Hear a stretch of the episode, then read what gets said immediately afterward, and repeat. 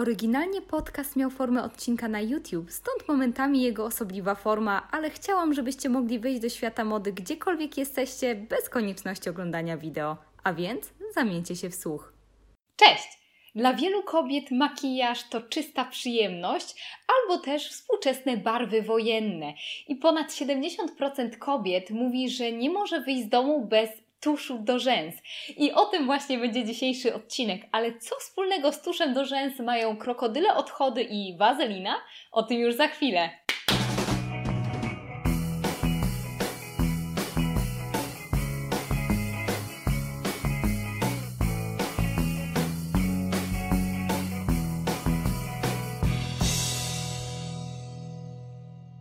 Liczne filmowe i literackie przykłady, a także stwierdzenie, że oczy są zwierciadłem duszy sprawia, że kobiety marzą o długich, ciemnych, gęstych rzęsach. Ale co jeśli natura nie obdarowała ich takimi? Cóż, czas stworzyć ich iluzję. Zwyczaj malowania oczu sięga już starożytnego Egiptu. Tam oczy malowały zarówno kobiety, jak i mężczyźni. I malowanie oczu miało nie tylko chronić przed pustynnym wiatrem, słońcem, piachem, ale także pełnić funkcję chronienia przed złymi mocami. Wówczas używano do przyciemniania oczu mieszanki y, węgla, wody, miodu, a także odchodów krokodyla. Malowanie oczu stawało się coraz bardziej popularne i w ten sposób kol trafił również do Grecji i Cesarstwa Rzymskiego. Średniowiecze nie było zbyt dobrym czasem dla rzęs, ponieważ wówczas przede wszystkim liczyło się gładkie, wysokie czoło. Kobiety często goliły brwi, wyrywały rzęsy, a także goliły nasadę włosów. I dopiero za czasów Elżbiety I ponownie rzęsy wkraczały na salony, szczególnie właśnie przez to, że władczyni władczyni była ruda i wówczas popularnym było farbowanie włosów, jak i rzęs rudo samodzielnie, poprzez różnego rodzaju dziwaczne metody, na przykład używanie sproszkowanych jagód, czy też popiołu. W XVIII i XIX wieku kobiecy kanon piękna nakazywał przede wszystkim naturalność. Wiadomym jest, że makijaż był zarezerwowany raczej dla panien o lekkich obyczajach, więc kobiety uciekały się do domowych sposobów, tak żeby podkreślić urodę, ale wciąż żeby to wyglądało bardzo naturalnie. Mocny makijaż stosowały więc prostytutki i aktorki, a kobiety w domowym zaciszu używały sadzy, popiołu i palonego korka. Pierwszy kamień milowy, jeśli chodzi o historię tuszów do rzęs, to rok 1860, kiedy to Eugene Rimmel, tak, ten Rimmel, wynalazł pierwszy nowoczesny, nietoksyczny tusz do rzęs. Opakowana i przenośna mieszanka pyłu węglowego i wazeliny była hitem. Tak naprawdę tusz był nietrwały, cały czas się rozmazywał, ale kobiety się w tym zakochały i w wielu krajach, w wielu językach do tej pory słowo Rimmel oznacza właśnie tusz do rzęs. Rimmel nieustannie pracował nad ulepszeniem tego pierwszego tuszu, a więc tuszu Superfin i tak w roku 1917 powstał tusz Water Cosmetic i tak naprawdę naprawdę on bazował już na czymś, co powstało dużo wcześniej i służyło do przyciemniania wąsów oraz brody aktorom teatralnym. I właśnie taki specyfik nosił nazwę mascaro a więc stąd też tusze do rzęs nazywamy maskarą. Na uwagę zasługuje również samo opakowanie tego nowego tuszu, ponieważ tusz był w formie stałej, kompaktowej, do tego była dołączona szczoteczka i żeby produkt dobrze się rozprowadzał, należało na tę kostkę tuszu napluć. Stąd też tego typu tusze często nazywano plujkami i co ciekawe, nawet do okolicy lat 70. i 80. tego typu formę tuszów można było spotkać na przykład w Polsce. Mniej więcej w tym samym czasie, co rewolucja trwająca w Wielkiej Brytanii, rodziła się rewolucja po drugiej stronie Atlantyku, a to wszystko za sprawą Thomasa Williamsa, założyciela firmy Maybelline. Legenda głosi, że za powstaniem marki Maybelline stoją rozterki sercowe siostry Williamsa, a mianowicie Mabel. Płakała ona po stracie swojego ukochanego, który poszedł za jej koleżanką i rozrabiała wazelinę spalonym korkiem. E, oczywiście troskliwy brat to zauważył, stworzył rewolucyjny kosmetyk i chłopak do niej wrócił. Zapewne jest to tylko bójda, ale warto wspomnieć o tym, że pierwszy produkt firmy Maybelline a więc Lush Brow Eye.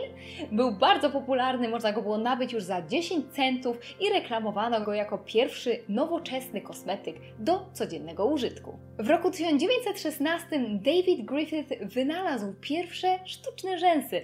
To wszystko oczywiście za sprawą rosnącej popularności kina. A jeśli już o kinie mowa, nie można nie wspomnieć o Maksymilianie Faktorowiczu, a więc Max Faktorze, który to na potrzeby planów filmowych stworzył kosmetyk o nazwie Cosmetic, który właśnie był bardzo oleistą substancją, e, przechowywaną w folii w formie takiego wałeczka, tubki. Należało odkroić kawałek tej substancji, roztopić ją nad ogniem, a następnie nałożyć na rzęsy. Rzęsy były faktycznie bardzo czarne, podkreślone, ale też niesamowicie posklejane. No i wiadomo, ten produkt nie nadawał się do codziennego użytku. W roku 1931 William McDonnell opracowuje pierwszą zalotkę, czyli tak zwaną curlash, czyli kobiety mogły jeszcze te rzęsy podkręcać i w roku 1933 Maybelline wypuszcza również zalotki z tuszem do rzęs. Również w okolicach lat 30. pojawia się toksyczny kosmetyk o nazwie Lash Lure, czyli była to forma farbki do brwi i rzęs, która miała naprawdę sprawić cuda, że rzęsy będą niesamowicie ciemne i długie, ale co sprawiła? Sprawiła, że jedna kobieta zmarła, e, wiele kobiet oślepło od używania tego tuszu i wówczas wprowadzono ścisłe kontrole, jeśli chodzi o składniki, których używano używano właśnie przy produkcji tuszów do rzęs. Na przestrzeni kolejnych lat niezbyt wiele się zmieniało. Pojawiały się tusze kolorowe, jeśli chodzi o samą formę, pozostała ona taka sama. Pojawiały się również tusze wodoodporne, ale pierwszy nowoczesny w swojej formule tusz wodoodporny wprowadziła Helena Rubinstein w roku 1957, a rok później wprowadziła kolejną bardzo dużą zmianę, jeśli chodzi o tusze do rzęs. Rok 1958 położył kres tak dotychczas popularnym plujkom, ponieważ w tym samym właśnie roku Helena Rubinstein wypuściła pierwszy tusz do rzęs Mascaramatic w nowoczesnej formie, jaką znamy do teraz. Czyli tusz był w formie tubki, mówiono, że przypomina wieczne pióro, a sama końcówka była metalowa, były tam wyżłobione rowki, przez które właśnie rzęsy miały dać się nieco łatwiej malować. Więc po raz pierwszy nakładanie tuszu było zupełnie bezproblemowe i bardziej higieniczne. Czas na małą ciekawostkę z tym związaną, ponieważ podobno Podobno patent na tego typu tusz powstał już w roku 1939. Został wymyślony przez Franka Engela, ale później prawdopodobnie przez II wojnę światową tak naprawdę ten pomysł w ogóle nie został zrealizowany. I co bardzo interesujące, tusz Rubinstein powstał dokładnie po wygaśnięciu patentu. Lata 60. to zatrzęsienie tuszów do rzęs. Każda marka kosmetyczna wypuszczała swój tusz do rzęs, e, oczywiście ze względu na to, jaki makijaż był modny, a więc ciężki, ciemny, graficzny. E, technologia pozwalała na nakładanie kilku warstw tuszu do rzęs. Na to oczywiście były nakładane sztuczne rzęsy. Wystarczy nawet wspomnieć o tym, że Twiggy nosiła dwie pary i oczywiście kobiety zużywały tego tuszu coraz więcej. Jeśli chodzi o rewolucyjne zmiany, tak naprawdę nic zbyt y, ciekawego nie działo się aż do lat 70., kiedy to powstały szczoteczki z włókien nylonowych. Na przykład taką szczoteczkę posiada bardzo popularny tusz do rzęs właśnie firmy Maybelline, a więc Great Lash. W roku 1988 Max Factor wypuścił pierwszą bezbarwną maskarę, która miała te rzęsy nieco podkręcić, nieco podkreślić i tak naprawdę znowu nawiązywała do mody, a więc zmierzała ku latom 90. i nieco bardziej naturalnemu i minimalistycznemu makijażowi. Później w roku 2005 zaczęły pojawiać się pierwsze szczoteczki odlane z formy, czyli w takiej formie plastikowych końcówek. Bardzo wiele marek teraz takie posiada. I jeśli chodzi o rewolucję, Cóż, na razie nie ma takiej na horyzoncie. Oczywiście pojawiały się różnego rodzaju wynalazki typu tusz do rzęs, który miał na przykład bazę w kolorze białym, e, kolor nakładało się czarnym, e, czarnym końcem, czyli to była taka forma dwustronnej maskary.